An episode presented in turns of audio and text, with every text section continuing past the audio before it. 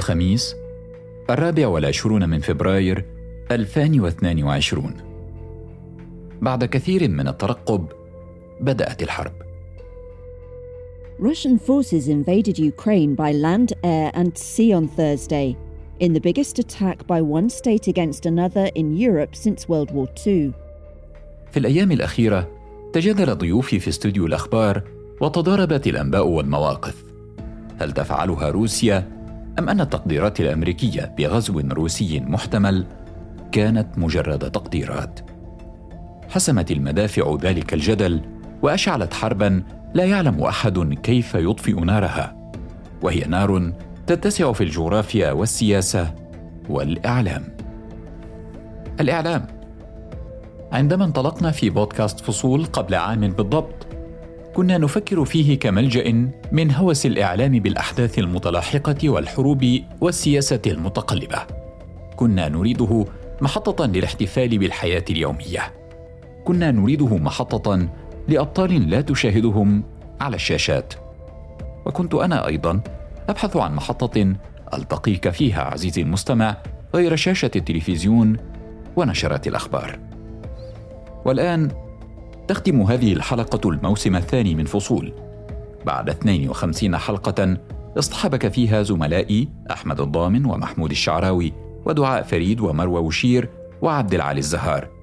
إلى 22 دولة في أربع قارات. كنا نحضر للموسم الثالث من فصول عندما اندلعت الحرب. فرضت الحرب نفسها كحكاية كبرى على تفكيرنا. لكن الحرب ليست حكاية منتهية بعد. هي حكاية مفتوحة على نهايات مختلفة وربما تكون غير متوقعة. وهذا ما يفرض علينا معالجة مختلفة في هذه الحلقة عن غيرها من حلقات بودكاست فصول. ماذا يمكن لنا أن نقول عن الحرب في أوكرانيا؟ وهي حرب احتلت كل الشاشات صغيرها وكبيرها وتابعها البشر بالبث المباشر في كل مكان. ولماذا علينا أن نهتم؟ هذا سؤال ناقشته مع زميلي دعاء فريد وأحمد الضامن. دعاء واحمد بحثا عن إجابات وفي بعض الإجابات مفاجآت. هذه حلقة جديدة من بودكاست فصول. أنا أحمد خير الدين مع نروي فصول الحكاية.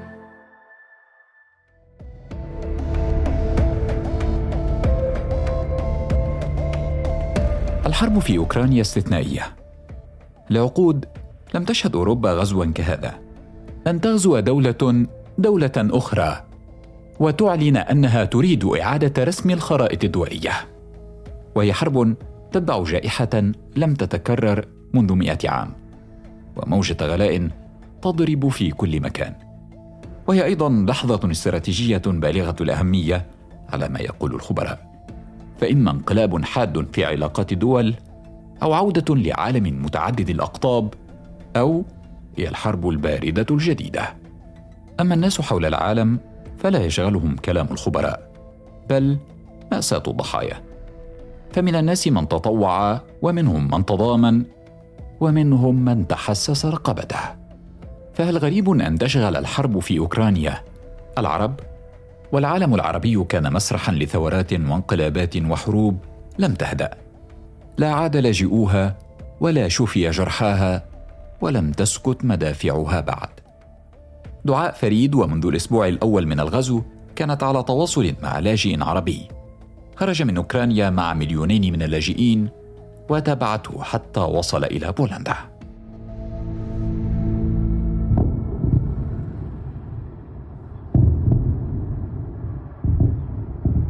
ملايين البشر تبدلت حياتهم بين ليلة وضحاها مع انهمار القذائف على المدن الأوكرانية. بعض هؤلاء ليسوا أوكرانيين حتى بل منهم عرب تركوا أوطانهم فرين من حروب أو باحثين عن فرص أفضل.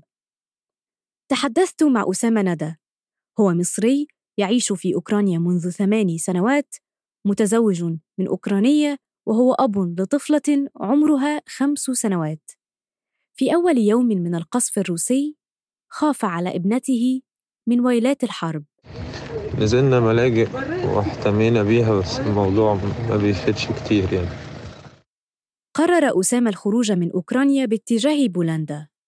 أنا تواصلت مع السفارة وطمنونا يعني بس أنا كان عندي قناعة إن أنا بمجهود ذاتي ممكن أقدر أوصل أسرع يعني لأني عندي طفلة ومش هقدر أستنى. بتضرب صفارات الإنذار حالة الرعب اللي بتكون فيها يعني بالتالي ما فيش أب هيستحمل يشوف بنته قدامه بالمنظر ده.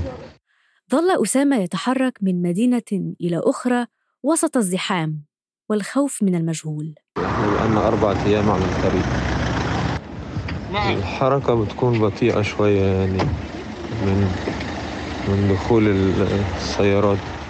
في رحلة عادة ما تستغرق اثنتي عشرة ساعة بالسيارة للوصول إلى بولندا من مدينة ميكولايف التي كان يسكن فيها بالأساس استغرقت تلك الرحلة ستة أيام. كان على الطريق هو وزوجته وابنته.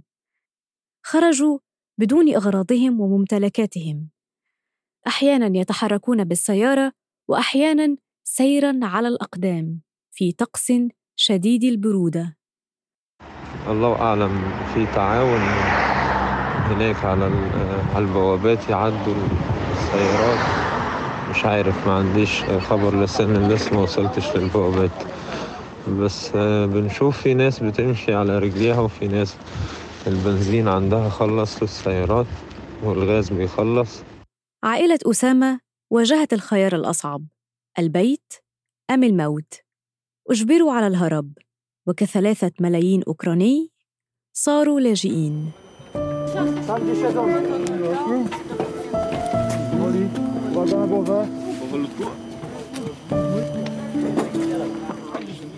معاناة اللاجئين الأوكرانيين حصدت تعاطفا شديدا في كل مكان. كانت المقارنة بما حدث ويحدث في سوريا والعراق واليمن وليبيا حاضرة بقوة. في سوريا وحدها هجر 12 مليونا أكثر من خمسة ملايين لاجئ سوري يعيشون في دول الجوار تركيا ولبنان والأردن. ومليون لاجئ سوري وعراقي يعيشون في دول الاتحاد الأوروبي. هذه المقارنة بين أزمتي أوكرانيا وسوريا حضرت أيضا لكن باستخدام لغة إشكالية في تقارير بعض وسائل الإعلام. Relatively civilized. They look like any European family. Christians, they're white. You know, this is a relatively civilized, uh, relatively European. I have to choose those words carefully too. هذه التعليقات أثارت موجة من التنديد في العالم العربي. بعض العرب هم ضحايا أيضا لحروب روسيا، ليس في الشرق الأوسط فقط، بل حتى في الحروب التي خاضتها روسيا في جوارها في أوكرانيا والقوقاز. العالم العربي ليس بعيدا جدا عن حدود روسيا ودعاء فريد تخبرنا عن بعض فصول هذا التاريخ. أغلب مناطق العالم العربي كانت لقرون وحتى القرن العشرين جزءاً من الإمبراطورية العثمانية. والنزاع الروسي العثماني استمر لقرون منذ الانتصار العثماني على روسيا في 1478 عشرات الآلاف من الجنود العرب دفعتهم الدولة العثمانية إلى حدود روسيا. وكثير منهم فقدوا حياتهم في حروبها.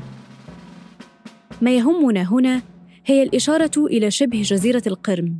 هي منطقة أوكرانية ضمتها روسيا بالقوة عام 2014 شبه جزيرة القرم كانت لثلاثة قرون تابعة للعثمانيين. أخذتها منهم روسيا في 1771 وظلت تابعة لها لثمانين عاماً. لكن المحطة الأهم في حروب روسيا والدولة العثمانية كانت في 1853 في تلك الحرب شارك الجنود العرب بقوة وسقط منهم آلاف الضحايا. حرب القرم تلك ترافقت مع بدايات النهضة الثقافية العربية وحظيت باهتمام كبير. ولذلك رسخت في الوعي التاريخي للعرب بقوة.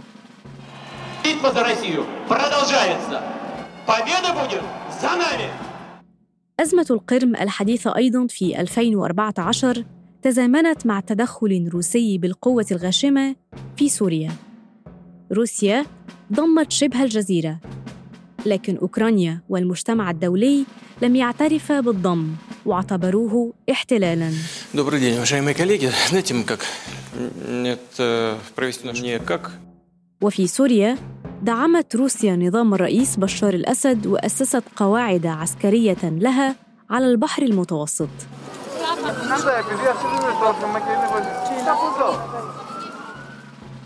وعودة إلى ما يحدث الآن عدد العرب الذين هربوا من الحرب الدائرة في أوكرانيا غير معروف بالضبط لكنهم بالآلاف. ما أصاب الأوروبيين؟ أصاب بالتأكيد العرب.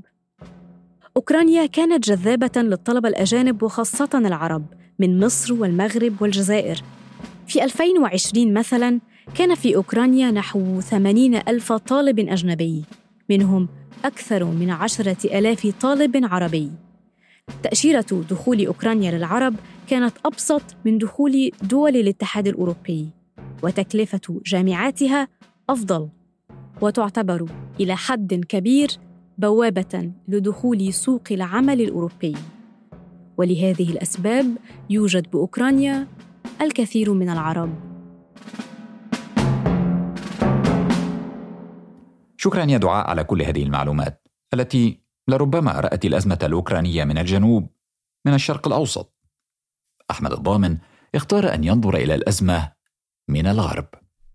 كنت أفتش عن أسباب الحرب وجدت نفسي أنظر فعلا إلى شرق أوكرانيا حيث روسيا وغربها حيث بقية أوروبا.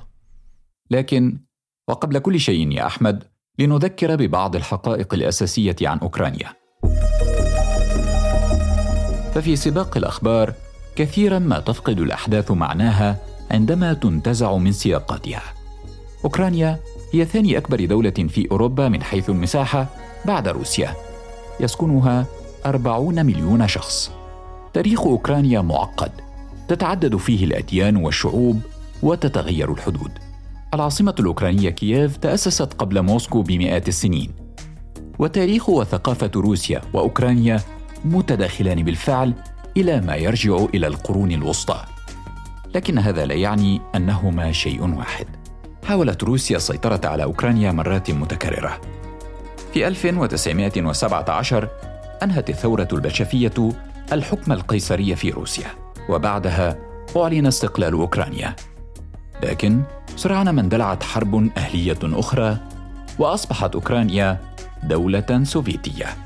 وبعد عقود من السيطرة السوفيتية وفي استفتاء تم عام 1991 صوت 92% من الشعب الأوكراني لمغادرة الاتحاد السوفيتي. وهو ما يعني أن أوكرانيا وعلى مدار الأعوام الثلاثين الماضية كانت دولة مستقلة تماما لكن هذا لا يعجب البعض في موسكو. في الحادي والعشرين من فبراير سمعنا خطابا من الرئيس الروسي فلاديمير بوتين بدأ فيه وكأنه يشكك في الدولة الأوكرانية بحد ذاتها. Еще раз подчеркну, что Украина для нас это не просто соседняя страна. Это неотъемлемая часть нашей собственной истории, культуры, духовного пространства. رغم ذلك استمرت العلاقات بين روسيا واوكرانيا لاسباب عديده منها الاقتصاد. اوكرانيا بوابه روسيا الى اوروبا. روسيا لديها كميه هائله من النفط والغاز. واوروبا تحتاج الغاز بشده. هذا موضوع يحتاج شرحا بالتفصيل. كثيرا ما نسمع عنه ونادرا ما نفهمه بوضوح. احمد الضامن يلخص لنا اهم محاوره ويبدا باغنيه Надо знать, где винтель спрятан у «Газпрома», чтобы так на всякий случай перекрыть всем газ. И улыбка اللحن جميل يا ضامن لكن لم افهم شيئا ماذا تقول هذه الكلمات وما علاقتها بموضوعنا أنا لا أتحدث الروسية أيضا لكنني عثرت على ترجمة عامة للكلمات. تقول الأغنية بيدنا أن نحل مشاكلكم أين صمام غازبروم؟ حتى نقطع الغاز عن الجميع إذا دعت الحاجة. بدأت أفهم قليلا لكن ما قصة هذه الأغنية؟ هذه أغنية ساخرة تم عرضها عام 2009 يتحدى فيها مغنون روس الدول الأوروبية ويذكرونهم باعتماد كل من أوكرانيا وأوروبا على الغاز الطبيعي الروسي كمصدر للوقود. أما غازبروم فهي الشركة الروسية الحكومية التي تصدر هذا الغاز. تتربع هذه الشركة على ربع احتياطي الغاز الطبيعي في العالم. علاقة الغاز الطبيعي بين روسيا وأوروبا بدأت منذ ستينيات القرن الماضي مع إنشاء أول خط لتصدير الغاز يصل ألمانيا. رغم وجود حقل للغاز الطبيعي تحت البحر في كل من النرويج وبريطانيا إلا أن الغاز الروسي أوفر ثمنا وأغزر كمية دول مثل ألمانيا وإيطاليا كانت المنتفعة الأكبر من هذا العرض خصوصا أنها رأت في الغاز مصدرا أفضل للطاقة من النفط فهو أرخص سعرا وأقل ضررا على البيئة Russia is one of the world's top producers of oil and natural gas. Energy exports are the lifeblood of the Russian economy, so much so that John McCain once said Russia is a gas station masquerading as a country. من المعروف أن حقول الغاز تأخذ وقتا طويلا كي تبنى ولكنها أيضا تستمر في العطاء لعقود. هذا يعني أن سلعة واحدة فقط خلقت علاقة اقتصادية قوية بين دول أوروبية عديدة وروسيا. الغاز الطبيعي ليس سلعة عادية. بالضبط أحمد. المصالح الاقتصادية كانت أقوى من الخلافات السياسية كلما ضعف الاقتصاد الروسي بدوره اعتمد أكثر وأكثر على الغاز Так в разных районах одновременно прокладывается тысячекилометровая трасса нового газопровода Ставрополь-Москва. واستمر في إنشاء خطوط لتزويد أوروبا حتى وصلنا اليوم إلى شبكة متعددة من الأنابيب للتصدير يمر بعض هذا الغاز عن طريق البحر الأسود وبحر البلطيق ولكن أغلبه يمر عبر أوكرانيا عبر أوكرانيا؟ أليس هذا سببا أكبر لتجنب الحرب كي يستمر تصدير الغاز إلى أوروبا؟ لكنه طريق له مشاكله حتى أجيبك يجب أن أعود قليلا إلى الوراء عام 2009 أوقفت روسيا تصدير الغاز لأوكرانيا وثم لجزء من أوروبا لثلاثة عشر يوما بسبب تراكم الديون على أوكرانيا لذلك ومن أجل استخراج الغاز الخاص بها من أراضيها وتقليل اعتمادها على الغاز الروسي وقعت أوكرانيا عقدا مع شركة شيل البريطانية. كان هذا في العام 2013 الهدف استخراج الغاز من حقل شرق البلاد. مع نهاية العام نفسه ستتغير المعادلة. الثورة الأوكرانية ستطيح بالرئيس يانوكوفيتش وحكومته. قامت المظاهرات بعد أن رفض الرئيس المخلوع توقيع معاهدة للتجارة الحرة مع دول الاتحاد الأوروبي واختار بدلا من ذلك أن يكون حليفا لموسكو ودول الاتحاد السوفيتي السابق. بعد الثورة والإطاحة بالحكومة في كييف فئة من الأوكرانيين في الشرق تعارض الثورة وتبدأ على إثرها حرب أهلية. عام 2014 أي بعد توقيع اتفاق أوكرانيا مع شركة شل بعام واحد روسيا تتدخل لدعم أنصارها في شرق أوكرانيا وثم تضم شبه جزيرة القرم في الجنوب إلى روسيا. جنوب البلاد ضم القرم إلى روسيا حرم أوكرانيا أيضا من 80% من ثروة النفط والغاز الطبيعي في البحر الأسود. أما في شرق البلاد ومع استمرار النزاع الأهلي انسحبت شركة شل من اتفاقها مع الحكومة الأوكرانية المعزولة لاستخراج الغاز من الحقل الشرقي بعد الاتفاق بعامين. لكن يبدو أن أوروبا هذه المرة لن تستمر في تفضيل مصلحتها الاقتصادية كما فعلت سابقا. ما حدث بالفعل غير مسبوق. أعلن الاتحاد عن نيته خفض استهلاك الغاز الروسي إلى الربع مع نهاية العام واستغناء أوروبا عن الحاجة لاستيراد الوقود من روسيا قبل العام 2030 We're banning all imports of Russian oil and gas and energy. That means Russian oil will no longer be acceptable at U.S. ports, and the American people will deal another powerful blow to Putin's war machine. In one of the most powerful and unprecedented moves yet to punish Russia, U.S. President Joe Biden Tuesday announced a ban on Russian oil and other energy imports in retaliation for the invasion of Ukraine. السؤال الذي بقي في ذهني بعد كل هذا البحث والتفكير من سيظفر بالاستفادة من الغاز القابع تحت أراضي أوكرانيا في المستقبل؟ سؤال قد نحتاج سنوات قبل الإجابة عليه. إنه سؤال حول المنتصر في هذه الحرب، وإذا ما كانت ستؤدي إلى حرب أكبر وصراع أخطر. وعن ملايين من الأوكرانيين قد يدفعون الثمن. في فصول نروي عن الإنسان وقصته. حاولنا في هذه الحلقة الخاصة أن نسأل عن البشر الذين يدفعون ثمن الحرب ووقودها. وسألنا عن الوقود ذاته ودوره في إشعالها واستمرارها. تبقى الأسئلة كثيرة وتتجدد الحكاية في آلامها وتحدياتها. هذه تحيات دعاء فريد وأحمد الضامن وأنا أحمد خير الدين. معا نروي فصول الحكاية.